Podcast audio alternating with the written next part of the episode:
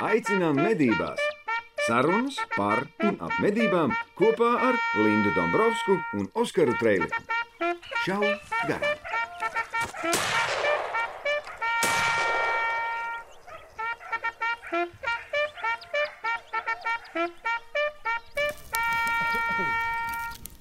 Šodien vienkārši dzeršu kafiju. Un Linda sāks. 76. epizode. Daudz epizodes jau ir bijušas. Ir pavasaris. Piedod Arti par to, ka šašlika šodien nav. Vienkārši bija šausmīgi daudz darba un neatsaldēju gaļu. Šodien gaļu necepsim. Un tad Induls steidzās un līdz ar to uguns, kur nevar kurināt, tādēļ mēs šodien mežirbēs šautavē mežirbis jau kuro reizi, tāpēc, ka ir covid un mums ir darba apstākļos vislabāk un viņš drošāk ir atrasties tieši Svaigā gaisā. ārā. Jā. O, tādēļ esam atkal šautavē mežirbis Es jau pat teiktu, mūsu ikdienišķajā studijā. bāzē. Jā, bāzē. Mežīrbas, jā, sauksim viņu to tā. Ne tikai šautos ar citu mežīrbas, kā jau es esmu tev teicis. Jā. Šis jau ir tāds atpūtas komplekss mežīrbas. Nu, tā mēs šodien ar. Oskaru Trēliku entuziasmu pilnu me mednieku. Jā, Viņš man un- neļauj pabeigt visu, ko es gribu pateikt. Nē, es arī gribu teikt, Linda Dombrovska, Linda Dombrovska, žurnāla medības galvenā redaktora, lielisks cilvēks un kurai atšķirībā mednieki. no Oskara vīrieša esot uh, savas intereses skaistumkopšanas, ezotērikas un tambūrēšanas klubiņos, Jā, citējot Jā. uh, neatkarīgās rīta avīzes vienu no rakstiem. Oskaram tādu interesu nav, tādēļ viņš uh, jā, iet medībās. es eju medībās, bet Linda, nu, diemžēl, tamborē, Ada. Godīgi es teikšu, es beidzu tambūrēt 16 gados. Bet tu proti. Es protu tamborēt, es protu, protu adīt, es esmu tamborējusi ir pala lakatus, adījusi kleitas, izšuvusi krustdūrienā, pa galdautus. Jā, Uh, kolosāli. un tad es sāku iet medībās un uh, Viss. pārstāju, pārstāju darīt krustdūrienu. Tu sāki tamborēt tā, kā mēs to šautavē ar Māri. Jā, bet tad es darām. sāku tamborēt savādāk. Bišķiņ savādāk. Bet šodien ir stāsts mazliet ar ironiju, mazliet uh, panopietno, zinot to, ka un viss sveicien visiem nemedniekiem un antimedniekiem, kas mūs klausās, ko es gribu teikt, iedvesmojošu lietu. Iedvesmot nemedniekus. Pagaidījā, jā, iedvesmot nemedniekus, jo mēs saņēmām vienu ļoti jauku ziņu par spīti visām dīvainajām lietām, kas ir izskanējušas kosmosā par medībām. Piemēram, Sergejs raksta, Sergejam. kurš raksta paldies par epizodi. Skatoties, jūs sagribējās kļūt par mednieku, un vakar visi sapņi piepildās, noliku mednieku eksāmenu. Šeit tev. Apsveicam. Apsveicam, jo Haidīgi. Tas ir super. Tas ir vienkārši lieliski. Ir maija vidus, ir trešā diena, kad ir parādījušies odi. Es baudu Jā. silto laiku. Induls pašlaik sevi iepliķē. Re, kur ir? Neku lidojā. Maijā jaunais maija numurs, žurnāls medības par un ap medībām. Esam pat saņēmuši ļoti daudz komplimentus no nemedniekiem, kuri šo žu- žurnālu lasa. Um, manuprāt, fantastiskākais fotostāsts, ja bildes ir, ko Katra Štērna ir sabildējusi par to, Asiņainie kā ragi, jā. stirnāži a, tīra ragus, jo Mm. Katru gadu pārneģiem, ne visiem, bet tiem, kam ir ragi, Elnis stirnā Mhm. stalbriedis Latvijā, audzē ragus no jauna, un tad, ja kāds no nemedniekiem mežmalā redz stirnu ar asiņainu galvu, nevajag zvanīt policijai vai ātrai palīdzībai, tas Vai ir normāls kādiem, process. Jā, kādiem zvērdārziem vai vēl kaut kur. Jā, tas tā, ir- tā, tas ir normāli. Viņš nav sasits galvu tur vai, vai trāpījis kaut kādu dabūjis traumu. Tas ir normāls, dabīgs process. Jā, un, un stirnāzes rīvē ragus un fantastisks katrs štarnas fotostāsts Mm, māja numurā. Vēl viena fantastiska intervija mūsu numuru, māja numuru personība ir valsts meža dienesta medību inspektors Jūras Nagainis, kurš saka, ka jābūt pārliecībai, ka sots par pārkāpumu ir neizbēgams. Viņš ir pieredzējis malu mednieku ķērājs, man liekas, visā dzīvē redzējis visādas dīvainas lietas. Oskars man sit odu. Jā no, no, nomedījām modu. Jā. O, ļoti Precīzi. interesanti intervija, tā kā maija numurā lasiet. 80 lapas puses par un ap medībām ir receptes, ir joki, ir saule, lec, riet kalendāri, Ne? Īsāk sakot, atbalstiet mūs, atbalstiet žurnālu medības, lasiet, pērciet preses tirdzniecības vietās, lasiet elektroniski. Tie, kas ir abonējuši, paldies! Jums jau sen tas ir paskastītē. Juhu! Oskar? Vēl viena lieliska lieta - medību šaušanas disciplīnas. Super duperīgais šī gada pirmais pielikums. Pirmais pielikums - meklējiet preses tirzniecības vietās un savās paskastītēs. Daudzi tie, kas bija pasūtījuši, abonējuši kopā ar pielikumiem, to ir saņēmuši. Un šeit arī šausmīgi interesanti īstenībā, kas man ļoti patika raksta arī pa kombinēto medību šaušanu, ja, kas bija ļoti interesanti. Tie, kas nezin, kas tā tāda ir, starp citu iesaku, iesaku painteresēties, paskatīties, ja, jo tur ir iekļauts faktiski visas galvenās disciplīnas, kādas medniekam principā vajadzētu. Un ja pat, pat nav obligāti jāpiedalās tajā sacensībās, bet trenējoties tieši šīs trīs, tad, tad tie ir gan šķīvīši, tad, tad šaušanas lidojušiem mērķiem, gan šaušana 100 metros dažād, četrās dažādās pozīcijās uz četriem dažādiem zvēriem, ja, un Ne jau zvēriem, mērķiem, es atvainojos. Nu, mērķiem, Savādāk, mērķiem, tie, zvēru kas- mērķiem, zvēru mērķiem, jā, Tie, jā. kas nu, nu, mēs nemednieki, kas mūs Jā, jā, jā, klausās, jā, jā, un jā. antimednieki, viņi domās, ka mēs šautavē šaujam uz dzīviem zvēriem. Papīra Nē. mērķiem, darbie draugi, papīra mērķiem, jā, un uh, skrienošā, skrienošais mērķis. Jā, Cūciņa ar cūciņa, karabīnu. Cūciņa karabīna, jā, viss, viss notiekās. Tā kā tas arī ļoti interesanti, ļoti daudz un dažādas informācijas par to. Vēl starp citu, jā, jā, jā, jā, jā, jā, jā. vēl viena ļoti, ļoti, ļoti interesanta lieta sadaļā šķīvīši, galvenās mednieku kļūdas un no tā izrietošās problēmas īstenībā. Der zināt, darbie draugi, to es arī kā instruktors savā šautuvē tieši ar šīm lietām, burtiski ikdienā vienkārši mēs strādājam tieši ar šo. Ja jūs izlasīsiet, jau novērsīsim ļoti daudz dažādas problēmas. Tā kā, darbie draugi, vēl viens kolosāls vienkārši pielikums, man liekas, turbo pielikums medību šaušanas disciplīnas. Meklējiet, Nu. lasiet, izglītojieties. Un šodien mēs runāsim par tēmu, ko mēs kustinājām apmēram pirms pusotra gada, viena no pirmajām epizodēm. Jā, Mēs runājām toreiz par to, kāpēc ir vajadzīgas medības. jā. Nu, šodien arī par to vispār sēdēju un domāju. un mēs Tas ir kaut kāds šodien, ārprāts. šodien mēs nolēmām vēlreiz šo tēmu pakustināt, jo ir pagājis pusotrs gads, ir katram no mums jaunas atziņas, ir jauns konteksts, kā to visu skatīt, un es šodien būšu Kas tu būsi šodien? nemednieku lomā, jeb Tu drīzāk uzdošu Dieva Oskaram tētiņ. tos dīvainos jautājumus, kādus nē. mēs saņemam sociālos tīklos. Un uh, runāsim arī par dažādiem pieņēmumiem. Pagājušo reizi mēs runājām par to, par medībām un alkoholu. Mm. Vēl es ieteiktu, vēl es No, no, no. Noskatīties visiem, kam interesē nāža asināšana, asas lietas, neasas lietas, kā neasas lietas dabūt asas. Uh, 29. video bloga epizodi, kur mūsu Oskars Trēlīgs sarunājās Zoom konferencē ar AA Naivas pārstāvī Andriju Nāņinu. Jā. Tas gāja gaisā 14. maijā. Jā. Jā. Noskatieties, noklausieties, uzzināsiet daudz ko jaunu, daudz ko interesantu. Tur, tur ir filozofisks pārdoms par dzīvi, reklāmas tur praktiski nav vispār. jā, tā kā mēs runājam, jā, jā.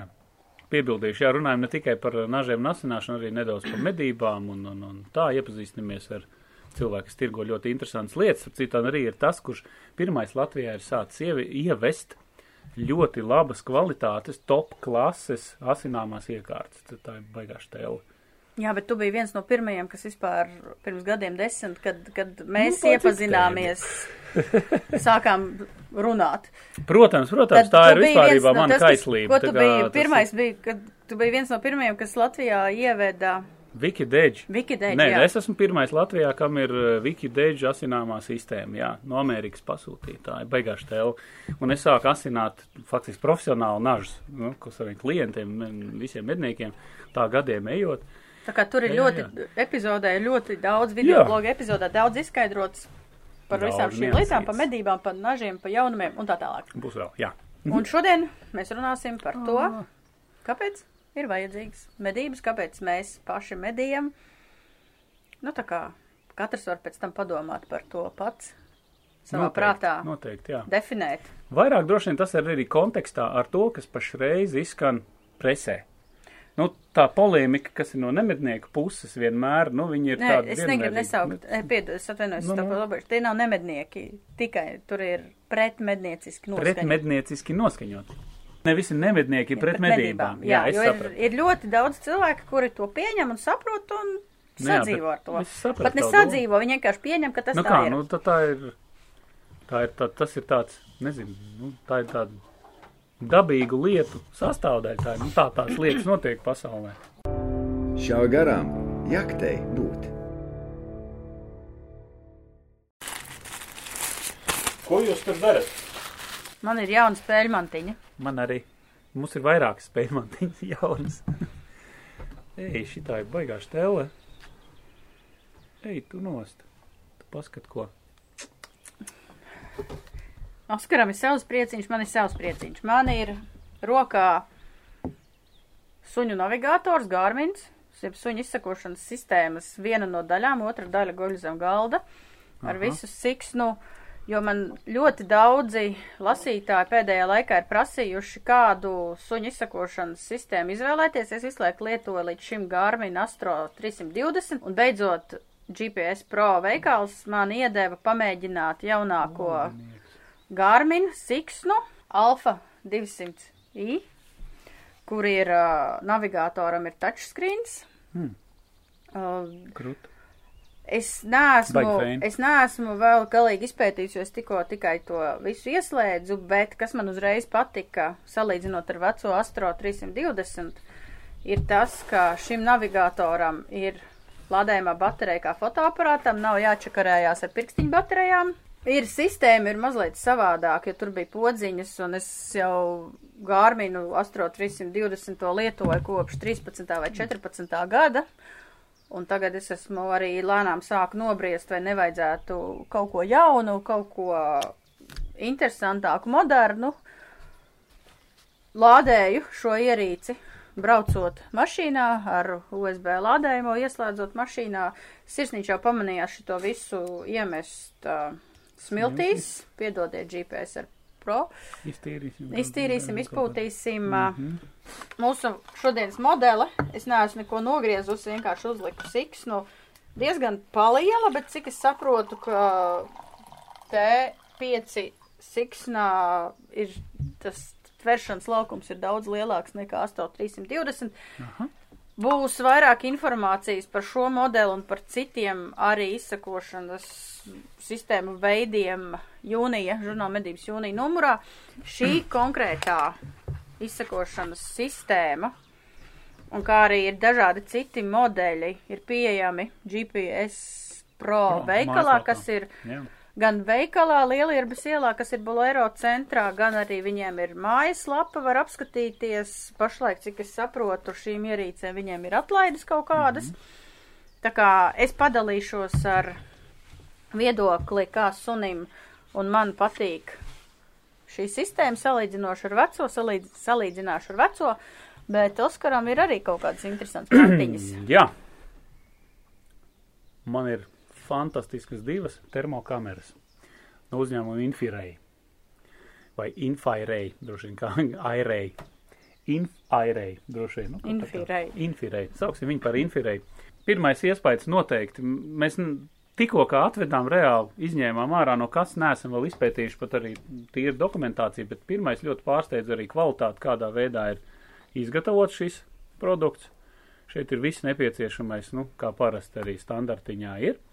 Liela lēca, 50. Šī konkrētā īstenībā nenormāli pārsteidz ar savējo jūtību. Mēs jau uzreiz tā kā izmēģinājām, mēs pat skatījāmies, tagad ir vienkārši vakars, nedaudz bija uzspīdējis saulīt, un man uz 100 metriem šautuvē ir izstumts ārā papīra mērķis, kur ir uh, meža cūka virsū. Meža cūka ir melna, nu, uz, uz gaišu fona.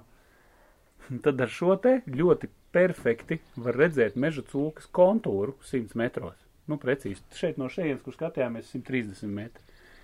Perfekti var redzēt. Asums ļoti labs, un viņa ļoti labi uztver siltumu. Tas man bija tas pirmais, kas uzreiz bija. Citām kamerām tā nav. Ir kaut kas izplūdes, šeit ir diezgan labs asums. Vispār jāpapēta vēl tie tehniskie rādītāji, bet izstāstā matrica ir ļoti laba, un šī ir tiešām teicama, teicama lietiņa. Un otra lieta, otra iekārta, kas man arī pārsteidz. Pasties, viņa ir maziņa. Jā, un šitā zina, ko izceļās? Nu, es zinu, ko izceļās. Pasaka, ar ko izceļās. Nu, kā, pats galvenais, kas ir. Tātad šī ir termokamera kopā ar tālummēru. Ja? Vienkārši fantastika. Faktiski šī ir tā iekārta, kas ir Divi vienā? nepieciešama. Divi vienā. Ja, ja es līdz šim domāju, nu man vajadzētu rangefinder, nu tā kā, jā. Un tad pat laikā tev vajag arī, nu, termokameru vakarā, kad tu deji uz jakti, sēdēt turnītī. Nu tad šeit, principā, viņi ir maziņi, viņi ieliekās plaukstā, re, neliela kabatā ieliekās, pasties. Viņa Pat nav smaga. plaukstā. Jā. Viss tev nekas vairāk nav nepieciešams. Tu vēl vari izmērīt precīzi attālumu. Perfekti, superīgi stēlu. Jā, bija šī mazāk, protams, tā lēca. Pastīsimies, kas mums notiek ar rupšiem. Tāks, pārbaudīsim, kas ar attālumiem. Tā tik tur tornis pa vidu. Precīzi 130 metri rekur līdz balnītim. Tā kā es teicu. Viņš, tad viņš strādā tieši tāpatās kā normāls tālmērs. Jā, jā, jā. Uzspied podziņu, parādās krustiņš un smalks krustiņš un parādās smuki attālums. Jo mēs iepriekšējā GPS Pro mm. epizodē, kur mēs runājām, tur runājām atsevišķi par tālmēru. Man pārsteidz tas, ka šī ierīce ar visu termokameru ir tikpat liela kā klasisks, nu mazliet Jā. lielāks kā klasisks tālmērs. Jā, starp citu. Un man patīk asums. Tiešām asums patīk. eh, Viņam ļoti labi regulējās. Pasties, teiksim, tuvumā, es tagad uzregulēju uz Indulu. Viņš ir 5 metru attālumā. Jā, viņš izstāsta smieklīgi. Tāds, tāds sarkans. Jā, viņš izstāsta tāds sakaunējies. Klausies, šitā ir stēle, kas ir lieta, kuru es gribu. Ot, Godīgi teikšu, ot, ja tu man tagad jautā, es līdz šim es domāju, nu kā, man vajag tālmēr arī. Īpaši uz lapsām, ja tu ej, tas attālums uz lauka ir ļoti, ļoti noteicošais. Īpaši arī manai karabīnai, tad es varu diezgan precīzi pateikt, nu tā kā uzlikt korekciju un izšaut. Un šis ir kolosāli. Plus, tu ļoti labi redz to dzīvnieku. Pietiekam lielā attālumā. Nosaki attālumu. Super. Vienkārši ideāli. Un tas nav tā, ka mēs baigi tagad reklamējam. Tas tiešām ir pārsteidzoši feini. Vēl kas ir ļoti feini, ko es uzreiz ievēroju, viņam ir iestrādāta alumīnija peka. Ja, nevis, teiksim, kaut kāda plastika vai plasmas, vēl kaut kas. Alumīnija peka, kurā tu vari ieskrūvēties un tā kā uzlikt uz statīva. Nu, pasties. Normāls, kārtīgs alumīnijas, stingrs. Nav tur nekas tāds, kas tur varētu izlūst ārā, vēl kaut kas ļoti kārtīgi viņu var pieskrūvēt. Jā, te, te redz, acīm redzot, vēl var pieslēgties klāt eh, pie datora, var viņu lādēt. Jāpaskatās, cik ir liela ietilpība. Nu, šai būs noteikti, es domāju, ļoti, ļoti liela ietilpība. Viņi strādās vairākas centās stundas, jāpaskatās arī šai. Mēs, mēs patestēsim. Tas ir, jā, pirmais iespējas, burtiski mēs esam tagad viņu saņēmuši, bet es tev teikšu, tas pirmais iespējas Linda ir kolosāls. Man viņš patīk. Tā kā, Jā. ja jūs tas saintriģēja, jūs varat doties mierīgi uz GPS Pro veikalu. Lielierbas ielā, blakus spicei, Jā, kur ir bolēro. Viņiem ir jaunas telpas, tagad daudz plašāks, daudz Mhm. foršāks, ļoti daudz preces, sākot ar binokļiem, beidzot ar droniem. Un tur var iziet ārā pa durvīm kopā ar pārdevēju Jā. un uh, paskatīties spices uh, stāvlaukumā. Tur ir diezgan plaši pavērot, ko šīs kameras dara. Jā. Zinošs pārdevējums visu pastāstīs par šīm ierīcēm vienkārši no A līdz Z. Tālūk. Nu ko? Lādē iekšā! Ko, Oskar, Nu, mēs dzīvojam 21. gadsimtā, ir 21. gads. Jā. Mums ir uh, fotokameras attīstītas, mašīnas, lidmašīnas, tehnoloģijas, uh, cilvēkiem Jā. vai, mainās vērtību skala. Nevar būt. Nu, mainās cilvēkiem vērtības skala. Tas, kas agrāk bija pats par sevi saprotams, Nu, mūsdienās tas izskatās pilnīgi nevajadzīgi un lieki. Šķietami, es teiktu. Nu, tas ir atkarībā no kuras perspektīvas mēs skatāmies. Es tagad runāju Es no tās saprotu, tu esi- perspektīvas, kurā, kurā Es saprotu. nesaprotu, kāpēc medības Latvijā ir vajadzīgas. Kam tas viss ir vajadzīgs? tagad uh, viens no galvenajiem argumentiem, kas izskan runājot par medību vajadzību vai nevajadzību, ir tāds, ka medības tā jau ir tikai izklaide. Mhm. Oskar, Kā tad? Kā tad, jā. Tikai tā, izklaide. tā, tā, tā, Tā ir vairs, tas vairs sen jau vairs nav uh, Izdzīvošana. izdzīvošanas uh, it kā nu, līdzeklis. Jā, kāds. tādēļ mans jautājums, es apgalvoju, ka, ko šodien mēs YouTube arī saņēmām komentārus. Medības ir tikai un vienīgi izklaide, Un lai tu ietu uz mežu un priecātos par to, kā tu nogalini dzīvniekus. Tas ir kā, kā, kā tu iedomājies tagad, ok, uzburam ainiņu. Tagad Nē, nu- uzreiz tavu pir, pir, pirmā tavu, pirmais Ņem teikums. vērā, ņem vērā, ka es Mēs dzīvoju pilsētā un es esmu. Nē, es saprotu. Gaļu varbūt patērēju uzturā, Es varbūt saprotu. nepatērēju uzturā, bet man šķiet, ka medības, tas ir tavs viedoklis. man- Cilvēkam, medības nav tuvs- vajadzīgas, jā, nav un man vajadzīgas. šķiet, skatoties uz jums, medniekiem, Jā. kas publicē Draud- dažādas drausmoņi. bildes sociālos tīklos, medības jums ir tikai un vienīgi izklaide. Ko tu atbildētu tādam cilvēkam?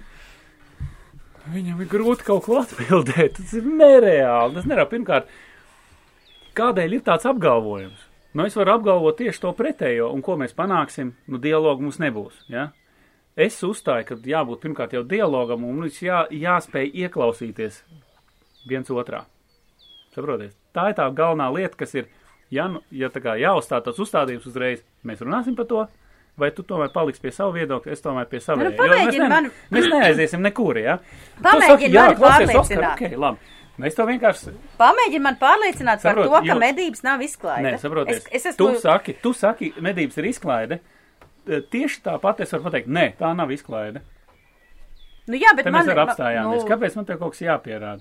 nu labi, Medības ir likumīgs veids, kādā veidā, nu, es eju uz mežu, iegūst medību produkciju. tu saki, ka tā ir likumīga. Jā, tas ir arguments. Tā ir likumīga Nē, tas ir nodarbošanās. viens no argumentiem. Jā, bet agrāk likumīgs bija daudz citas lietas, kas pašlaik nav likumīgas. Jā, jā. Piemēram, kaķeramās lamatas vairāk nav likumīgas. Jā, Mēs ok, tikpat labi. labi varam iet un mainīt likumus un padarīt medības par nelikumīgām. Šādā veidā, jā. Nu, es tev, es tev argumentēju, es pašlaik pilnīgi nav iejūtos antimednieku lomā Lomā. atbildi. Tāpēc, ka mēs atbild. katru dienu atbildam, komunicējot ar cilvēkiem, mums ir jāatbild uz šādiem jautājumiem. Medības ir izklaide. Man liekas, ka jūs, Džeki, Jā, kuriem nav ezotērikas, tamborēšanas un skaistpulkošanas pulciņu, jūs mums gribat, jūs gribat komunicēt, jūs satiekaties, ejat uz mežu tikai tādēļ, lai izklaidētos. Jā, un lietot ļoti eh, daudz alkohola, acīm redzot, tas vēl atsaucoties uz Bet pēdējo epizodi. Ja? Tā ir izklaide. Mēs vispār Tev, tev, saproti, tev medības nav vajadzīgas, lai iegūtu gaļu. Tev aizej uz veikalu un nopērc gaļu, kas tu badā esi. Nē, saprotu, Linda. Ir tāda interesanta lieta, ka es nēdu to gaļu, kur var nopirkt veikalā, jo es personīgi neatbalstu to, ka dzīvnieki tiek audzēti tādēļ, lai viņus pēc tam nogalinātu un tev, kā, nu, tev pabarotu. Tur tā desiņu ar vēl kaut ko, vai gaļas veidā veikalā ieejot. Nu, tā kā ir daudz dzirdēts par to, ka cilvēks saka, nu, klausies, nu, pēc kam tev to darīt, ej un nopērc veikalā. Jā, bet tā ir industriāli iegūta gaļa, es to nevēlos. Es vēlos apēst to, ko es pats esmu ieguvis. Jā, bet Tādēļ vari, es esmu mednieks. bet tu vari cūku mājās audzēt. Es varu pateikt to, atbildot šo jautājumu, ka pamatā tā nav izklaide, bet es šādā veidā uh, sagādāju pārtiku savai ģimenei. Es pats iegūstu šo te gaļu, es pats uzņemos atbildību par to, ko es iegūstu. Un, ja es nenomedīšu, nu, man ģimene, nu, kad nepaēdīs nosacīt, jā. Ja? Paēdīs, viņa aizies uz veikalu. Mēs mēģinam iegūt veselīgu gaļu. Ja? Es vēlos, lai, lai pārtika man, manai ģimenei, manai bērniem būtu nu, tā kā veselīgi iegūta dabā. Manis iegūta. Saprotu to Tu domu. tā kā sav, savienojies ar, Ar dabu. ne, ar, ar saviem pamatinstинktiem, tā kā mamutu mednieks. Nu, pieņemsim, ja, vien, ja tev patīk šādi to salikt kopā, lai nu tas tā būtu. Tādēļ, ka gadu tūkstošiem, gadu tūkstošiem cilvēku galvenais mērķis ir iegūt ko? Pārtiku. Nu, Nu, bez pārtiks mēs nevaram dzīvot. Ne, nu es tev pilnīgi lieta. piekrītu, tāpēc, ka Neatkarīgi no Maslova tā, vērtību, Maslova Nu, vērtību. vērtību skalā pašā apakšā ir pašas tās pamatvērtības ir paēst. Paēst, Nu, paēst, vai ne? Pārtika ir tā, bez kuras mēs nevaram dzīvot, pēc definīcijas. Ja tev nebūs ūdens, tev nebūs pārtika, nu, tu nomirsi nedēļas laikā, nu, plus mīnus. Pareizi. Un tādēļ, lai savu dzīvi dzīvotu pilnvērtīgi, es vēlos lietot pārtikā pilnvērtīgu uzturu. Es esmu gaļēdājs, es nevēlos, nu, tā kā neēst gaļu, man garšo gaļu. manai ģimenei garšo gaļu. Nu, gaļā ir tās vielas, kas ir nepieciešamas manam Tad organismam. jautājums, cik tu bieži pērc veikalā gaļu? Nu, Es praktiski vispār nepērku. Ja tu man prasi. Es tev prasu, es tev Jā. nopietni prasu. Minimāli. Ir citreiz uz sezonas beigām, kad sāk veikties divās saldētavās gaļa, ja? Bet uh, noteikti tas ir vispār, es nezinu, ja mēs paņemam visu pārtiks apjomu, tur kaut kādā 10% varbūt tās veikalā tiek iegādāt. Tas ir arī viss. Un iedomājies, cik mēs ietaupam, uh, kā lai, kā lai tu to pasaki tagad tā pareizi, Cik- cik daudz dzīvības mēs izglābjam, vai ne? Ejot medībās. Nu, Pa- dzīvnieku dzīvības. Paskaidro tālāk. Nu kā, tu ejot medībās, tu nomedīji tikai tik, cik tev ir nepieciešams, nu, tā kā gada griezumā, runājot, ja? Tu iegūsti tik daudz gaļas. Nu, un tu to tā kā patērē uzturā, vai ne? Ņemot vērā, ka es esmu mednieks ģimenē un man, nu, nav tā, ka mēs ģimenē esam katrs tur man sieva mednieki, vai ne, tur, tur, tur mamma mednieks, tēvs mednieks. Nu, nē, nu kā, nu, tu tā kā apgādā arī savu ģimeni apkārtējos. Līdz ar to arī viņi mazāk nedaudz iepērk gaļu veikalā, vai ne?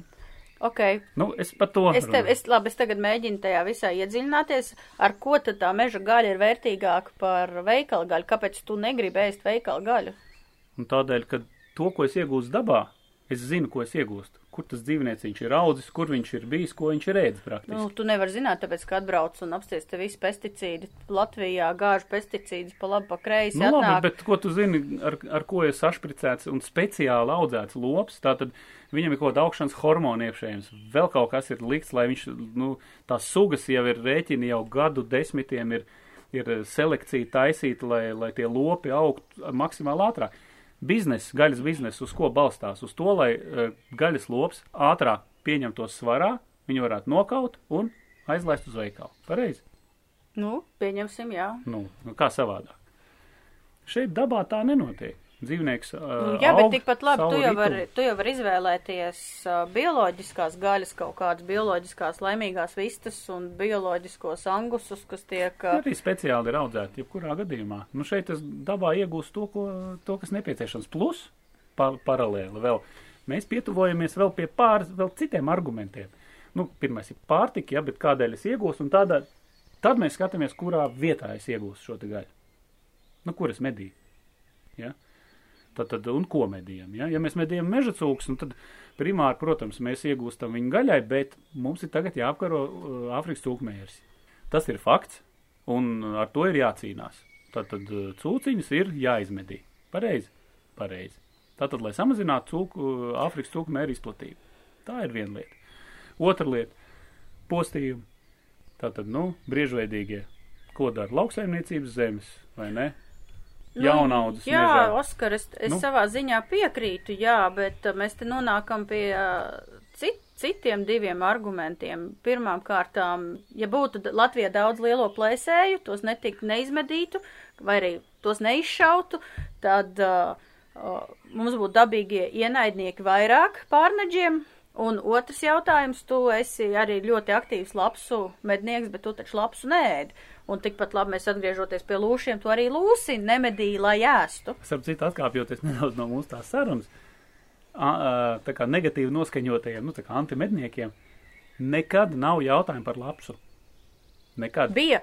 Es atvainojos, man Nu, tikko, gandrīz man, man, tikko, man, man, ir- face, ir man. Twitterī šonadēļ uzdeva jautājumu tieši šo jautājumu par to, ka jūs taču lapsas nēdat. Nu, nu, jā, bet nevienam nerodas jautājums. Visi saprot, ka lapsas iespējams var, nu, Latvijā nu, pēdējā gada, pēdējo, es nezinu, cik gadu laikā nav konstatēta trakumsēga, bet principā lapsas pārnēsā trakumsēga. Lapsām ir kašķis. Nu ko, pārlādējam! Ko es gribu tev paskaidrot, Oskar? Es tikko noklausījos grāmatu par bebriem. Mm Mhm. -hmm. Tā grāmata ļoti interesanti, daudz faktu par bebriem, bet tas viss tas stāsts ir vienos vārtos. Un es tagad runāju nevis kā antimednieks, bet es runāju kā mednieks. Uh, un tur ir ļoti daudz runāts par to, ka nevis Eiropā, bet drīzāk Amerikā viņi pašlaik uh, mēģina īstenot dažādos štatos dažādus projektus, lai atjaunotu bebru populācijas, atjaunotu to dabisko, hidraulisko vai ūdens mitrāju līmeni, ko Nu jā. veicina tikai un vienīgi bebri. jā. Un uh, tad es to visu klausoties, es apstājos pie vienas lietas, ko es pati sev neesmu vēl sapratusi. Kaut kad, kad es senāk strādāju zemkopības ministrijā pirms gadiem, desmit jau Vairāk. vairāk, 15. Vienā sanāksmē bija mežnieku pārstāvis, ja nemaldos vārdā Induls, bet neatceros, kurš teica tā, meliorācijas sistēmai, beb, sistēmās bebriem nav jābūt. Mēs visu laiku runājam par to, ka bebri nodara postījumus. -hmm. Bet bebri nodara postījumus nevis dabai, Bet cilvēkam. bet cilvēku interesēm. Nu, arī. Un jā. tad, kad nebija cilvēku, un tad, kad nebija ie, Anglija iekarojuši Ameriku, kolonizējuši, bebri tur dzīvoja, viņi bija tūkstošiem, viņi bija miljoniem, viņi bija ekosistēma, bija dabīgā ekosistēma, kur mitrāja savāc ūdeņus, kur nebija, o, viss bija līdzsvarā. Un atnāk cilvēks, un tagad paziņo. Bebrs nodara postījumus, bet bebrs nodara postījumus nevis dabai, bet cilvēku interesēm. Ne, tur es pilnīgi piekrītu, bet ir jāņem vērā tas aspekts, ka, kā tu teici, ir 21. gadsimts. Ja? Pasaulē ir ļoti tuvu pārapdzīvotībai, ļoti daudz cilvēku, un cilvēks ir stipri iejaucies šajā te ekosistēmā, nu tā kā ienācis eh, zvēru dzīvnieku pasaulē, faktiski viņu mājās, rupi runājot. Nu, Tanī pat brīdī, kad Alnis iet, es atvainojos cauri Zolitūdē, imantu pāri Daugavai peldu pie Bolderājas. Tad visiem ir histērija. Ja visiem ir histēri, bet viņš jau atrodas savā vidē, viņš vienkārši iet no punkta A uz punktu B, liekiet viņam mieru. Nevajag viņu ķert, viņam tur spricēt un skriet viņu baidīt, nu, ievest dzīvnieku stresā. Nu, ne par to, vienkārši viņš atrodas savā dabīgajā vidē. Nevajag, nu, celt trauksmi un pievērst tam tik ļoti lielu sabiedrības uzmanību, jo cilvēki dzīvojot kaut kādos, nezinu, betonu mūros, ja, tad pilsētā viņš ir, nu, viņam ir jau aizgājis, nu, kā lai saka, viņa, viņa tā uztver pa dzīvi ir mainījusies, viņam liekas, ka, ka šī ir tā pareizā vide, kurā vispār visam ir jānotiek. Ja, izbraucot vienreiz, divreiz gadā, es atvainojos sēnēs vai vēl kaut kur pastaigājot pa mežu, nu, viņam liekas, ka tu esi bijis dabā. Biežāk vajadzētu aiziet dabā un pasīties, kādu procesu tur notiek. Nu, tas ir tā. Mēs esam iegājuši un mums ir jārespektē šīs tiesības, bet tanī pat laikā dzīvnieki aug ģeometriskā progresijā, jo Dzīvnieku skaits. tu nu, dzīvnieku skaits, jā, dzīvnieku skaits, jā, pa sugām, un attiecīgi, tas ir, tas ir normāli un tas ir jāregulē. Jā, bet saprot, dabas aizsardzības paši galvenie principi jau ir vērsti uz to, lai mēs saglabātu bioloģisko daudzveidību. Lai un- saglabātu, šeit es atļaušos atzīmēt.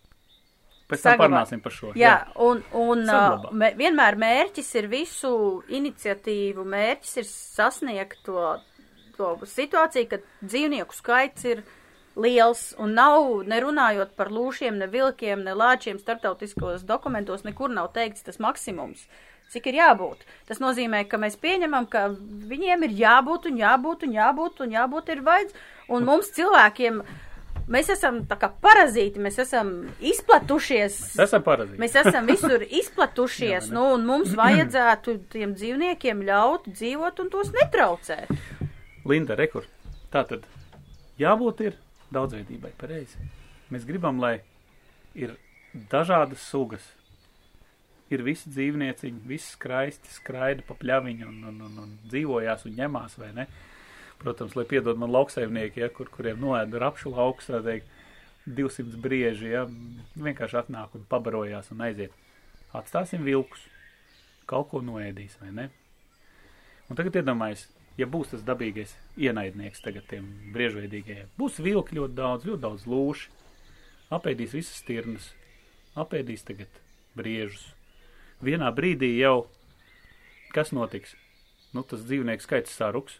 Vienā brīdī viņam vairs nebūs ko ēst. Tad viņi sāks ēst, nu, mājlops, vēl kaut ko. Parādīsies, protams, slimības, jo viņi izplatīsies arvien vairāk un vairāk. Un kā mēs zinām, nu, vilkam, cik ir metienā kucēnu, vai ne? Tie visi kaut kādā brīdī izaugs, viņi gribēs. Viņi atkal vairosies, viņi atkal gribēs. Vi, visi plēsēji vairosies. Un tad vienā brīdī, kas notiks, būs tā saucamā pašregulācija. Vai ne, ka viņi sāks kost nost vēl savus mazuļus, vēl kaut ko, lai, lai tie tēviņi varētu cīnīties par mātītēm un tā tālāk. Un vienā brīdī arī viņi izmirs, jo ēst jau nebūs ko. Bet tie ir dabīgi procesi. Es, es saprotu, jā, dabīgi procesi. Šāva garām, jaktei būt. Mēs, Ja es, pieaug- es šodien grilēju Oskaru. Ah! Saprot, Linda, ja pieaug, ja pieaug dzīvnieku skaits, ja, un pieaug plēsēju skaits, nu, samazinās attiecīgot pārneču skaits, loģiski, vai ne? Viņi tā kā apēd viņus. Ilgtermiņā tas tā notiek. Ja mēs atstājam visu pašplūsmā, ir ļoti strauji kāpumi, ir ļoti strauji kritumi populācijā. Jā, Ja? Saproti, ja? Jā, tēmu? jā. Tanī brīdī, ja ļoti strauji samazināsies dzīvnieku skaits, ļoti strauji paliks vispār nebūs dzīvnieku, ja? tad, tad atgriežoties pie tā, ko tu teici par bioloģisko daudzveidību un daudz dzīvniekiem, ja? mums būs atkal jāiegulda milzīgi līdzekļi, lai atjaunotu kaut kādu noteiktu sugu skaitu. pagaidi, labi. Es, Nu, es pagaidi. saprotu, ko tu mēģini pateikt. Tas ir tā, ka tur, kur ir pārneģis, tur, kur ir ēdamais, tur ir daudz plēsēju. Protams, Mēs nu, gribam loģiski. sasniegt uh, ļoti Mēs- lielu plēsēju skaitu, piemēram. Tad pēc tava teiktā, kā es saprotu, tad uh, rezultātā ir tā, ka nekontrolēti pieaugot plēsēju skaitam, beigās sāk samazināties pārneģu skaits. Nu, loģiski. Un tad Un- mēs vienā- nonākam atpakaļ tajā Mēs nonākam tādā punktā, ka tev nav ko ēst, un sākās atkal liels slimības arī starp plēsējiem, un viņi sāk lēnām izmirt arī. Un mums viņi atkal ir eh, ar kaut kā jāiejaucās, mums jāiegulda atkal būs savie sabiedrības līdzekļi, lai atjaunotu kaut Tu kādu. gribi skaitu. pateikt to, ka būs vienā mirklī tas, ka atkal plēsēju skaits no ļoti daudz samazināsies uz ļoti, Ļoti maz. maz, un mēs atkal būsim. Nulles punktā. Okay. Mums būs atkal jāsāk no sākuma. Mums atkal būs tā kā amerikāņiem jāpaņem bebrs, jāatved un saka, hei, bebr, dzīvo šeit, taisi man uh, atkal pļaviņus tur, lai ir ar ūdentiņu un vispārējais, ja. Taisi man lūdzu dūkstāji, ja, taisi man mitrāji. Nu, mums to vajag? Nu, nevajag mums to. Tātad mednieks ko dara? Mednieks kontrolēt, mēs zinām, mums taču ir limiti. Mums ir gan skaita limiti, mums ir gan laika limiti, kad mēs drīkstam medīt. Tas nozīmē, ka mēs medījam ne vairāk kā drīkst nomedīt konkrētu sugu pārstāvis. Kas to nosaka? Nu, kā to valsts meža dienas nosaka. Šī medīšana notiek balstoties uz zinātniskiem, nu, faktiski skaitļiem. Nu, tā teikt, ir, ir konkrēti daudzumi, kas ir izpētīti, cik tad ir jānomedī, lai mēs saglabātu noteiktā līmenī konkrētu sugu. Ja? Nu, tad, tad konkrēts daudzums, lai būtu visu laiku. Un pašreiz jau gadu, es nezinu, gadiem, desmitiem, gadu desmitiem tas viss jau strādā. Dotajā brīdī arī, ja mēs runājam par tiem pašiem lūšiem, ir lūšu daudzums Latvijā ir tāds, kāds nav bijis nekad praktiski. Nu, tas blīvums un Bet būtu vairāk, ja nemedītu, būtu vairāk. Bet viņš ir stabils, ar stabilu pieaugumu, nav nekāda krituma, viņš ir stabils. Ja mēs izjaucam šo balansu, nu, var būt atkal dažādi kritumi, un atkal nonāksim kaut kādā noteiktā nulles punktā. Tagad daudz zvēru ir visur un dažādas sugas. Ejot uz mežu, mēs varam satikt pat lāci līmē. Ja? ne tikai. Ne, Lāči ir atgriezušies, Nu, jā, jā. lāčus mēs medīt nedrīkstam, jā, bet jebkurā gadījumā lāči ir atgriežušies, un tepat šautavē, tepatās netālu pāris kilometru attālumā dzīvo lācis. Tā kā lāči sāk Nu, izplatīties arī Latvijā. Lūši ir, vilki ir. Tas ir tas paradoks, ka dzīvnieku mums ir daudz, jo mēs viņus saprātīgi apsaimniekojam un medījam. Tā tas ir. Es šodien grilēju Oskaru, mēs runājam par to, kāpēc ir vajadzīgs medības. Oskars Es iesvīst. cepjos. es cepjos. Oskars iesvīst. Jā. Pēc pauzes turpināsim. Nu ko? Lādē iekšā! Es turpināšu grilēt Oskaru. Jēj. Es esmu samācījusies no sociālajiem tīkliem, kur ir šausmīgi daudz Dievs, visādi dīvaini atkal. jautājumu, uz ko es pati personīgi katru dienu atbildu. Tādēļ es grilēju Oskaru, jo man šie jautājumi ir gatavi. Es tiku apmācīts. Tā kā, tā kā, zini, tā kā gatavojoties kaujai, vai ne? Jo tā doma ir tāda, ka uz šiem grūtajiem jautājumiem ir šausmīgi sarežģīti atbildēt, tāpēc ka pret medniekus motivē un vādā viņu emocijas vai viņu spēja vai, nu, tā kā vēlmē iedomāties sevi dzīvnieku vietā.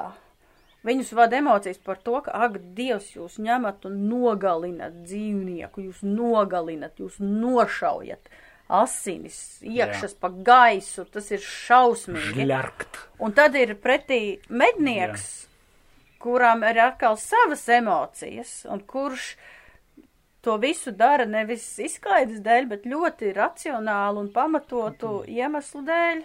Tagad mani grillē. Ne, Sakai, ha, ha. Ne, dai par tiem pašiem plēsējiem parunāsim. Nu, runāj Vai par parunāsim plēsējiem? Tagad tu man grillēsi. Ja? Tagad es tev aptuveni paprasīšu, jā. Okay. Linda, tu arī mm, labprāt medī lapsas. Jā, es medīju Kāp, labs. kāpēc tu medī lapsas? Tu taču viņas neēdi. Nē, es nēdu, bet es izmantoju jebko citu, piemēram, kažokādu. Jā, Ā, Tāpēc, ka mans uzskats ir tāds, ka ja es gribu, lai dabā, apkārtējā vidē paliek pēc iespējas mazāk manas atstātās pēdas, ka tu nu, lido. ilgtermiņā. Nu, nē, nu, par, Es sapratu. nu, savu, tu- katrs cilvēks, Jā, jā. braucot ar mašīnu, izvēloties, ko ēst, atstāja kaut kādu ietekmi uz vidi. Es gribu, Jā, lai man ietekme uz vidu, tie, vidi tiešā veidā būtu minimāla. Tādēļ es nepērku sintētiskos izstrādājumus, kas ir tiek ražoti no neatjaunojamajiem dabas resursiem, Jā, bet es savu apģērbu šuju un veidoju no dabīgām kažokādām, kas vēl piedevām ir ne tikai, ir, tās nav audzētas audzētavās, mm -hmm. kas rada papildus piesārņojumu, bet tiek paņemts no dabas. Sapratu. Tas ir viens punkts. labi. Man, man te uzreiz jautājums par pirmo punktu. Nu, saka. Kur tavs kažoks? Kāpēc tu sēdi sintētiskā jāciņā? Tāpēc, ka ir vasara. Un ziemā es neizvēlos vilkt, uh, Tad kāpēc tu medī tās lapsas? tāpēc, ka ziemā es velku Labi, kažoku. ok, kāpēc tu lūsi medī? Es neesmu nomedījis Nu, nu, nevienu lūsi. Es īsti nezinu, vai es gribētu pēc šām šīm diskusijām medīt lūsi. medīt lūsi? Ja man būtu tāda iespēja, es tajā konkrētā situācijā izvēlētos Padomā. padomātu, vai es to darīšu, vai no, es to nedarīšu. Es esmu redzējis lūsi, es neesmu lūsi medījusi vēl savā mūžā. Mm. -hmm. Tā kā es tev nevaru pateikt. Bet, ja man būtu iespēja, tas ir labs jautājums. Jā, kāpēc es medītu lūsi? Nu, vienkāršākā atbildē ir, tāpēc, ka tas ir medījumais dzīvnieks, tāpēc, ka ir noteikts limits un tāpēc, ka man ir tāda iespēja konkrētā situācijā. Tādēļ es to varētu medīt. Bet, ja es Drausmīgi izvēlētos, Izklausās drausmīgi. Es zinu, teikšu. es zinu, bet ja es medītu, tad es izmantotu šo dzīvnieku pilnībā. Es noteikti izmantotu ādu, es noteikti izmantotu galvas kausu Kādam nolūkam? trofejai. Nu, zinātnē, Zinātnē. zinātnē. Trofejas, ne trofeja izstādes nav domātas, uh, lai lielītos ar trofejām, bet lai veiktu statistiku par Kā tā? nomedītiem Paga, dzīvniekiem. paga, paga. Cik es zinu, mednieki, liekot fotogrāfijas iekšā internetā, jā, savām trofejām, viņi tak lielās par to, ko viņi ir nomedījuši, vai ne? Lielās ar to, ka viņi ir nogalinājuši šo skaistos dzīvniekus. Pareizi. Un pēc tam savācās, uztaisa rāgus, nāgus, galvas kausus, un tad viss savācās un tīksminās par to, ko viņi ir izdarījuši. Uh, Tas ir drausmīgi. jā, Tiešām. Varētu, jā, tiem, Kāda kas skatās, zinātne? tie, kas no Nevar malas būt. skatās, viņiem noteikti varētu būt radies tāds iespējas. Tas tā nav. Ā, Bet es teiktu, ka tas ir ļoti aplams uzskats, tāpēc, ka man personīgi, es runāšu no personīgā viedokļa. Mm -hmm. Tu, tev tas var patikt, vai tev tas var nepatikt, bet es Mēs tev tev izskaidrošu savu motivāciju. tu saproti, ka es kā mednieks nomedīju mazāk nekā 1% no visiem dzīvniekiem, ko es esmu redzējusi. Jo lielāko daļu es medīju ar fotokameru.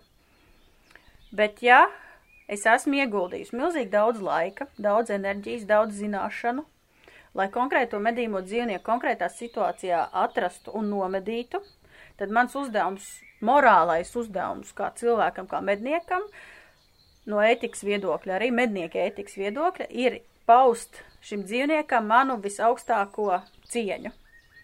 Salīdzināšu, es tāpatās kā Oskars, nelietoju veikala gaļu, kur tā tiek ražota rūpnieciski, bet šis konkrētais dzīvnieks man, man, man, man bijusi tā laime šo konkrēto dzīvnieku nomedīt, man ir bijusi tā privilēģija, un es gribu šo domu par šo konkrēto dzīvnieku saglabāt kā atmiņu, nevis padarot to kā tādu bezrakstura. Tīksminies par to droši vien, ko tu izdarīji, ne? es netīksminos, man ir skumji, Tev ir skumji. man ir skumji. Tāpēc, Ka... ka, Pateikt būt skumjai. nē, nu kas tas ļauj taču man pabeigt, noskar. Nē, nu es esmu zaļais ar iebeklis. Es saprotu, bet es tev gribu pa- pabeigt to Ok, domu, es saprotu, ka saprotu, saprotu. Es saprotu, ka to nav viegli pateikt vienā, vienā, vienos vārdos, nu, tā kā vienā teikumā, bet uh, nobildējot šo dzīvnieku, es arī izrādu tam cieņu. To ļoti grūti saprast. Bet tas tā ir. Bet tas tā ir, ka tā ir mana motivācija, kāpēc es to daru. Un tādēļ ir konkrēti veidi, kādos neviens mednieks nepieļaus, ka tās bildes tiek liktas. Necienīgi nomests, piemēram, mednieks uzkāps jāteniski dzīvniekam virsū tā nobildēts. Tas nav cienīgi, tas nav pareizi, bet atceroties pēc tam skatoties bildes vai šķirstot albumu vai pastāstot par šo svarīgo notikumu manā dzīvē, jo šis katrs medījums ir svarīgs notikums manā dzīvē, jo es esmu sagādājis sev ēdamo, es esmu ieguldījusi kaut kādu darbu medību saimniecībā un tā tālāk. Pēc tam, skatoties uz šo dzīvnieku, skatoties uz trofejām pie sienas, es šo mirkli atceros, un tas dzīvnieks salīdzinoši ar lopkautuvi vairāk nav bezpersoniska būtne.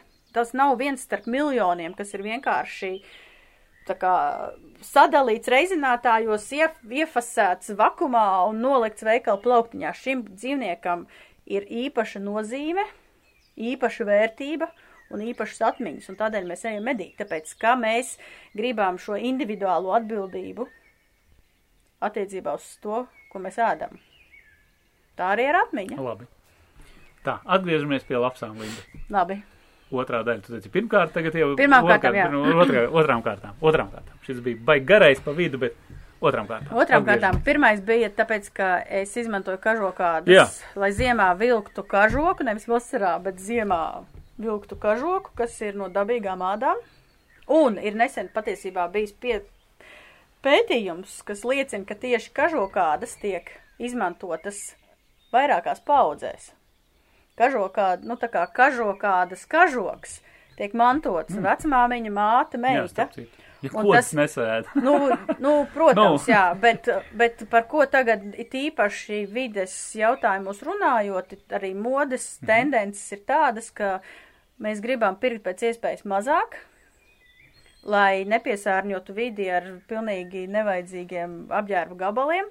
Un tādēļ tā doma, ka tu vari mantot to kažoku no paudzes uz paudzi ilgtermiņā, tas atstāja patiesībā krietni mazāk ietekmi uz apkārtējo vidi nekā Li- Jaciņa. Nu, jā, nu, jā, līdzīgi tā kā uh, austrieši droši vien savējās medību šortus, ja, vai Jā, nemantot. lederhoze. Lederhoze, ja tie tur Un- iet, tur uh, vienkārši paudzēs. Un otrs ir zinātniski pierādīts, ka sasniedzot populācijai kaut kādu konkrētu skaitu, tīpaši runājot par lapsām un trakumsērgu, mm -hmm. tajā mirklī, kad lapsu skaits pieaug līdz konkrētam līmenim, tas ne tikai uz trakumsērgu, tas varētu attiekties arī uz kašķi, populācijā parādās slimības.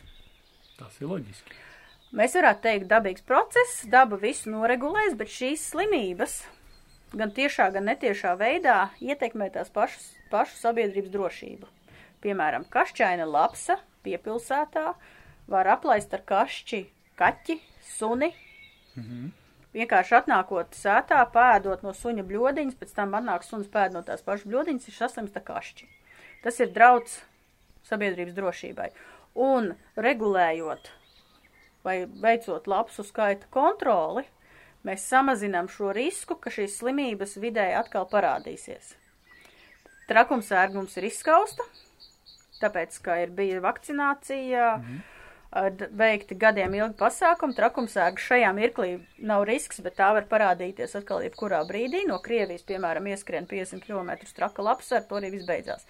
Bet, ko mēs redzējām, ka dabā tiklīdz tiek izņemts trakumsērga, izņemta trakumsērga kā kritērijs, kontrolas dabīgais kritērijs, tajā mirklī parādās kašķis. Mm -hmm. Un jo vairāk kašķainu lapsu, jo lielāks drauds ir cilvēkam, cilvēku interesēm. Un mums ir jāatrod tas līdzsvars. Respektīvi, mednieks kā sanitārs. Jā, mednieks kā sanitārs attiecībā uz lapsām, jā, un es arī gribu atgādināt to, ka arī starp uh, vienot suņiem Nu, ienāc ir milzīgi daudz kašķa. Savukārt vilki ēd jenotsuņus, un ja vilks noķer kašķēnu jenotsuni, tad, Viņš paliek plikiņš. tad uh, vilki arī sasirgst ar šo nāvējošo, briesmīgo, drausmīgo, mokošo kaiti. Un tad vilks jau, ja mēs skatāmies, vilks ne manā viedoklī, bet, nu, daudz, nu, bet ne pēc mana viedokļa, bet daudz to uzskata par ļoti svarīgu sugu, kas ir ļoti jāaizsargā. Un ja tagad vilks sāks sirkt tad ar kašķi un visādām sērgām, tad jau tas ir zaudējums mūsu kopējai Eiropas vilku populācijai. Lūši arī sirkst ar kašķi. Ak, dieviņ, tēti. Tā, Linda. Ok, labi, es pieņemu tavējo atbildi. Super. Nu ko, pārlādējam! Bet es domāju par to, ka tu varētu mainīt savus ēšanas paradumus. Piemēram, atteikties no gaļas. Es domāju. Jo ir, ir arī vegāni uzskata, ka ir daudz arī zinātnisku pētījumu par to, ka gaļa lielos daudzumos, sarkanā gaļa ļoti kaitīga cilvēka organismam un veselībai. Šajā gadījumā es te uzreiz teikšu tā, ka ir pētījumi par labu vienam, ir pētījumi par labu otram, ir tāpatās kā viens pētījums saka, ka dzert kafiju ir labi, ir cits pētījums, kas saka, ka dzert kafiju ir slikti. A, tas nav no šīs pašas sērijas, ka 60. gados bija ļoti modīgi smēķēt cigaretes, ja, jo devu pat arī astmātiķiem smēķēt, jo likās, ka viņi tagad labi, jā. izārstēsies, tas būs ļoti labi, ja īstenībā ir otrādi. Nu, jā, Vai nav arī šeit šis, eh, ja tas nav gaļas izstrādātāja lobbyis, mēs to zinām, vai ne? Nu, Šajā- gaļas pārstrādes tie, kas audzē gaļas lopus, nu skaidrs, tas ir viņa biznesa. Skaidrs, ka būs pētījumi, kas pierādīs, ka gaļa tas ir labi. jā es, es saprotu, ka ir, es esmu arī, arī pat lasījis vairākus pētījumus, kas runā par to, ka sarkanā gaļa lielos daudzumos nav laba.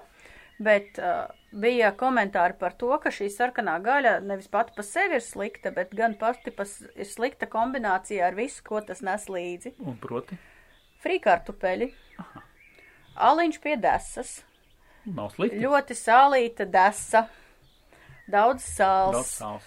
o, nezinu, ļoti daudz tauku, mazkustīgs dzīvesveids.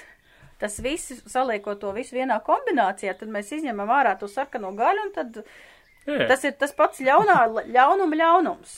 Bet kā es ēdu, man ir ēšanas paradumi, es ļoti daudz uzturā lietoju gaļu, bet pārsvarā es to cepu vienkārši. Ēdu vienkārši vai nu gaļu ar sāls pipariem, gaļa uzceptā sviestā, gaļa ar kaut kādu mērci.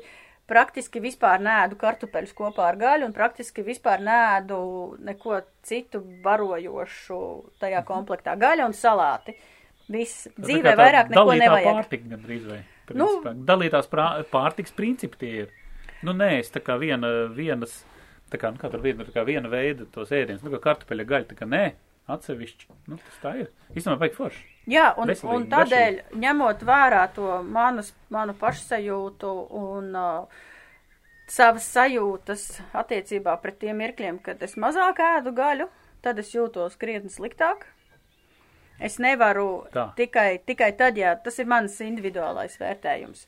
Jo tajā mirklī, kad es esmu mēģinājis ēst divas nedēļas tikai dārzeņus, es rīju bez pārtraukuma, vienkārši šķīnu visu laiku iekšā kaut kādas lietas, tāpēc, ka man nepārtraukti gribās ēst. Un tad, uh, ja es palasu. Zirgus pākšaugs vajag taču. Nu, Jā, un tad es staigāju apkārt un purkšķinos bez pārtraukuma, un tad man ir jādzer espumezāns, bet ko es vēl gribu pateikt, ka skatoties uh, visas tās vegānu receptes un vegānisko ēdienu recepšu sastāvdaļas, tur ir nenormāli daudz dažādu garšvielu. Tur ir ļoti daudz dažādu produktu, kas nav ražoti Latvijā.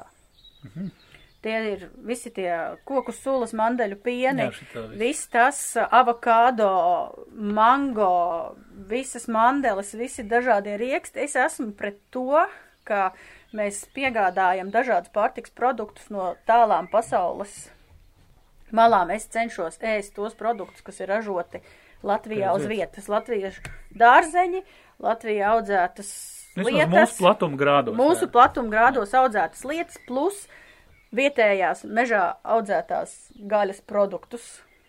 Un tādēļ es uzskatu, ka ir stulbi, piedodiet par manu vārdu, bet es mēs ar, nu, mans personīgais viedoklis, ir stulbi uzskatīt, vai stulbi atteikties dzert govs pienu, jo govs, vai atteikties ēst govs gaļu, piemēram. Nu, es vienkārši Jā.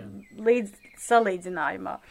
Uh, vienlaicīgi piegādājot mandeļu pienu, kas tiek audzēts Kalifornijā, kur tiek veidotas monokultūras, un monokultūra rezultātā tiek sam samazināta bioloģiskā daudzveidība. Soja. Brazīlijas mūža meži, Soja, tieši tā. Tādēļ es esmu, piemēram. es arī to cenšos maksimāli piekopt, es esmu par to, ka es pēc iespējas vairāk ēdu vietējo ražoto ēdamo pārtiku, pārtiks produktus. Un ražotais šajā kontekstā pēdiņās ir tas, kas nāk no meža, plus, kas ir uh, vietējā tirgu nopērkami augļi un dārzeņi. Protams, kā, kādreiz man tēvs iesmērē kādu avokādo, bet pat personīgi es avokādo un man, mango nepērku. nav nav. A, a, mango ir garšīgs un avokādo ir garšīgs, bet es principiāli nepērku avokādo, jo tie netiek ražot uz vietas. Vēl starp citu, atkāpjoties no mūsu cepiena mazā. Starp citu, vegāniem ir ļoti daudz dažādas interesantas foršas receptes, kas ir kā baigi labā piedeva gaļas ēdieniem. Es tev Jā, es tam piekrītu. tas, tas, tas noteikti ir. Tur ir labi. Bet tur, bet ja palasi, lai tos, uz, ko viņi, lai pat paņemtu no burkāna, uztaisītu kaut ko, ko viņi sauc par uh, bekonu, viņi liek šausmīgi daudz dažādas garšvielas. Šā garām jaktei būt. Ko turpinām cepienu, Linda? Linda. Jā, mēs turpinām grilēties. Grilēties. Oskars, tagad Oskars mani grilē, mēs Nu, runājam. Viens, viens tas mazais grili jautājums, Linda. Pastāsti man, kādas ir tavas tiesības atņemt dzīvību dzīvai būtnei? Kādēļ tu to dari? Nu, tas, tas taču ir amorāli. Kurš tev ir devis tādas tiesības? Izšaut pilnīgi visu, ko tu redzi. Labs jautājums. Ja? Nāk dzīvnieks, šauj ārā. Mums, nemedniekiem, ja? Zaļie, zaļajiem pārstāvjiem, mēs zinām, un mums viena tante teica, ka viņa katru dienu dzird tos šāvienus. Un, un mēs zinām, ka tur sēž tie mednieki un nāk ārā, kas iznāk to šauj, kas iznāk to šauj. Un vispār tev nav žēl, nu, kādas ir tavas tiesības atņemt dzīvību mazam dzīvnieciņam? Viņam tas skaists acis stirniņai. Pavarot var.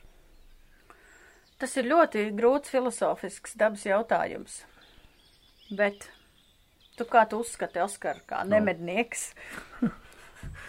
Jā, Cilvēks ir dabas sastāvdaļa vai nav? loģiski. Nu, protams, mēs tā uzskatām. Jā, ok. Ja mēs esam dabas sastāvdaļa, kas ir mūsu... Es tev stūrī. Kas ir mūsu galvenais dzīves princips, kāpēc mēs dzīvojam? Nu kā, nu vairoties, jā, protams, sugas izdzīvošana loģiski. Tas ir pats, Un izdzīvot, jā. nu jā, tas ir pats pamat. Vairoties. Nu, tas ir tas pamatu pamata Primāti. instinkts. Tas ir pamata, tas ir pamata instinkts. Grozies kā grib. Nu jā, un šajā situācijā, atšķirībā no jums, zālēdājiem, Jā. nu, nu, es sevi uzskatu par plēsēju. plēsēji. Es sevi uzskatu par dabas sastāvdaļu, un es sevi uzskatu par dabiskā dzīvības nāves cikla sastāvdaļu. Un mēs esam tagad pilns redzējuši, redzējuši video, kā lūsis nomedīja stirnu un apēda, un vilks nomedīja mazu sivēnu un apēda, un šajā barības ķēdē, lai viens izdzīvotu, otram ir jānomirst. Un tas ir dabā, tas ir dabīgs Tas process. ir drausmīgi. Tā kā atstājiet visu, kā ir dabā. Kāpēc iejaukties dabas procesos? Nu, mēs jau par to runājām. Saproti, tad, kad Ja tad tu nevari abstrahēties no šī. Tu tagad esi civilizēts, homo sapiens, domājošs cilvēks, Jā. radība, kas domā ar galvu. Tātad tev nav empātijas nekādas, nezinu, attiecībā Man ir, pret dzīvniekiem. man ir empātija, es mīlu dzīvniekus, es mīlu suņus, es esmu izglābusi suņus no patvērsmes, man ir zirgs, kas ir izglābts no dasām, bet man garšo gaļa. Un es ļoti labi apzinos, ka gaļa neaug kokos. Un ja es gribu to kotleti, tad man ir jāpieņem šis lēmums, un tā kotlete ir jāiegūst, ja jānogalina dzīvniekus, jo es, man nav pieņemams tas, ka no zirņiem taisa kotletes un sauc to pa kotletu un uzbar virsū kaut kādas garšvielas un pasaka, ka tā ir gaļa. Falafels. Es nezinu, kas tas tāds ir. Bet runājot Tāds par morāles tiesībām, es apzinos savu lēmumu, es esmu gatava pret visumu atbildēt ar savu dvēseli, kā saka. Un es esmu Jā. gatava uzņemt šīs sekas, jo es uzskatu, ka šajā mirklī, šajā laikā, ievērojot visus likumus, visas nosacījumus un visas labturības prasības, ētiski un humāni to visu izdarot, man ir tiesības to darīt. Kaut kad pienāks gals ar tavam zirgam. Tu viņu apēdīsi. Tas ir labs jautājums. Es esmu ēdusi zirga gaļu, un man, uh, man nekad nav bijuši iebildumi ēst zirga gaļu, lai gan man pašai ir zirgs. Uh, Es nedomāju, ka mans zirgs nomirs tādā nāvē, ka pēc tam tas būtu ēdams. Nu, bet, ja, ja pienāktu brīdis, nu, kad nebūtu ko ēst, tu apēstu savu zirgu Jā, ārprāts. Nu, bet tas ir Šaubas. izdzīvošanas jautājums. Jo Kaut es tur patās drausmas. lasīju, Taču, ja lasīju. lasu ogas tur, es nezinu, saknītes, Ja tas būs- tārpiņi, tomēr tārpiņus mēs kāpurs, pasties tagad pavasarī, visus maivabols kāpuri ir, viņi ir milzīgi resni, tur pilns ar olbaltumvielām, mēs varam sacept feini, Oskar, jā, tie kokteili. pienāk šāds brīdis, lūdzu, ēdi savus kāpus. Kāpurs. Kāpēc nē? Tas Es- eh, es saprotu, nāk es tikai šajā par labu. situācijā mēs tieši- Vajadzīgās vielas. Jā, es saprotu, bet es, es saprotu arī to, ka, piemēram, šajā situācijā, ja būtu jānokauj zirgs, un es, tā, Jā. tas bija normāls situācijas kara laikā, jau pagājušā gadsimtā pirmais pasaules karš, otrs pasaules karš, kad cilvēkiem tas bija jādara savādāk, viņi mira badā. Es, es pieņemtu, ka šis dzīvnieks nebūtu dzīvojis pavelti, ja tas izglāb man un maniem radiniekiem dzīvību. Nu, līdzīgi paralēli droši vien arī atkāpjoties no zaļās būšanas, var, var vilkt arī ar Āfriku, manuprāt. Un ziloņu medībām, atceries? Mm, Jā, Nu, viens nomedīts zilonis, pabaro visu ciematu. pabaro visu ciemu un ienāk kasē ļoti liela naudas summa, pus kuru tad dzīvo ne tikai ciems, bet arī valsts. Jā, bet tu esi zaļais. Nē, nē, nē, es teicu tādu mazu atkāpi. Es, tagad, es, te, es tikko atlēcu apakaļ, tagad es atlēcu apakaļ. Jā, man, Man, man nebūtu. personības dalīšanās laika pa Es, es laikam. tev, bet es tev godīgi Jā. pasaku, ja man būtu jānogalina mans zirgs, lai to Jā. apēstu, man būtu šausmīgi skumji, man būtu šausmīgi bēdīgi, bet es domāju, ka Tu es to to darītu tādā situācijā, kad nav citas alternatīvas un būtu jāizdara, kas ir jāizdara. Ja mēs pieņemam, ka nu, plēsēji arī ēd savus sugas pārstāvjus, tā ir? Tā ir, jā. Tā ir. Tu varētu apēst cilvēku? Šobrīd nē. bet uh, mēs esam. Kurš esi plēsējis? teica? ir daudz, vēsturē ir bijuši daudz gadījumi, kad, piemēram, nokrita lidmašīna Andu kalnos, kad lidoja vesela futbola komanda un tie cilvēki, kuri bija palikuši dzīvi un bija salā un drausmīgos apstākļos dzīvoja, viņiem vienīgā izvēle tajā situācijā, viņi izdzīvoja tikai tāpēc, ka viņi ēda to, kas tajā mirklī vienīgais, kas tur bija pieejams. Ne jau viņi tā kā šitie te kanibāli sita nost pārējos, bet viņi vienkārši mirušos lai iegūtu vajadzīgo proteīnu, lai izdzīvotu, viņi to darīja. Vienkārši, bet tā ir konkrētā situācijā, konkrēta izvēle. Tu mēģini vienkārši provocēt nedaudz. Es saprotu, tās jautājumiem. tu saproti, tās atbildes uz tiem jautājumiem nav vieglas, bet es to esmu savā galvā domājusi un pieņēmusi, ka tas tā ir, jo es uzskatu, ka dzīvība un nāve ir paši dabīgākie procesi mums apkārt. Un tu Visi- mums to pieņemt vienkārši. Vienkārši visi piedzimst un visi nomirst. Nu, tie, kas ir pie, visi, kas ir piedzimuši, visi nomirst, un lai arī kā mums morāli ir grūti pieņemt, ja aiziet mīļdzīvnieks vai aiziet kāds tuvs radinieks vai cilvēki mums apkārt iet bojā, lai arī to, cik to grūti ir pieņemt, tas ir dabīgs process.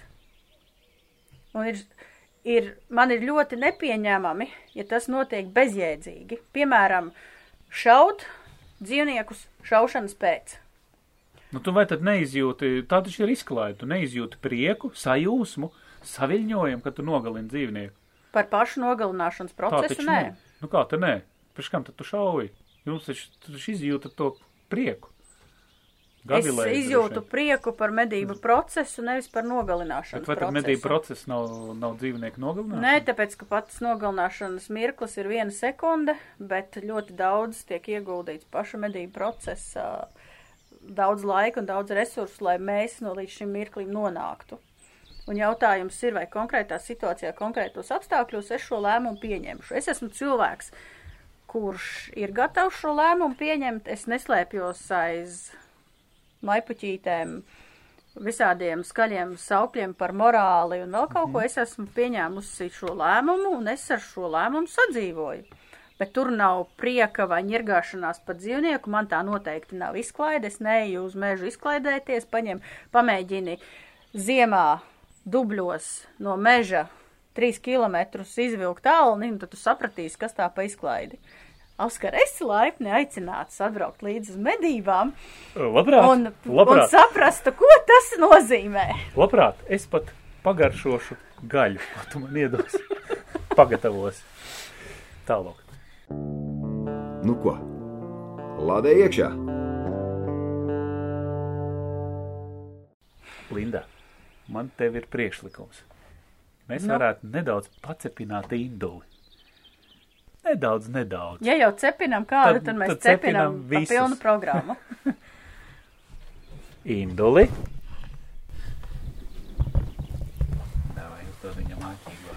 Ko jautājumu? Jā. Tev nav žēl nogalināt dzīvnieku. Man nav žēl nogalināt eh, dzīvnieku. Protams, tajā brīdī, tad, kad eh, es izdaru šāvienu, ir mazliet skumji, bet eh, pēc tam man ir eh, daudz iegūmu. Un vēl, tad, kad cilvēki tika radīti, dzīvnieki, viņiem tika nodoti apsaimniekošanā, prātīgā apsaimniekošanā. Un eh, Dievs ir pavēlējis mums viņus lietot uzturā. Tu to vari pamatot ar kādu konkrētu. Tas tā ir tava filozofiskā pārliecība, vai tas ir kaut kur rakstīts? Nē, tas ir rakstīts, un tas ir rakstīts Bībelē.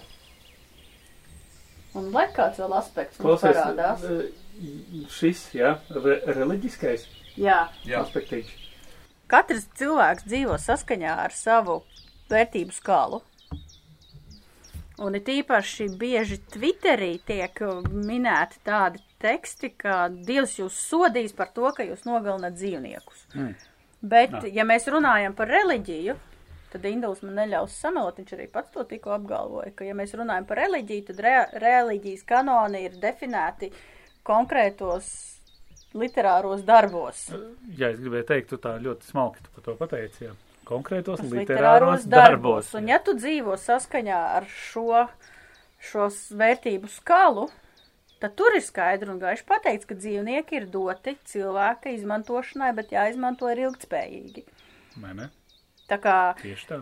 ja mēs runājam par reliģiju un dieva sodu, tad, uh, ja dzīvnieki tiek izmantoti saprātīgi, ilgtspējīgi, ievērojot visas labturības prasības, es tagad mazliet piedzējoju, Labi. bet principā To var darīt. To var darīt, jā.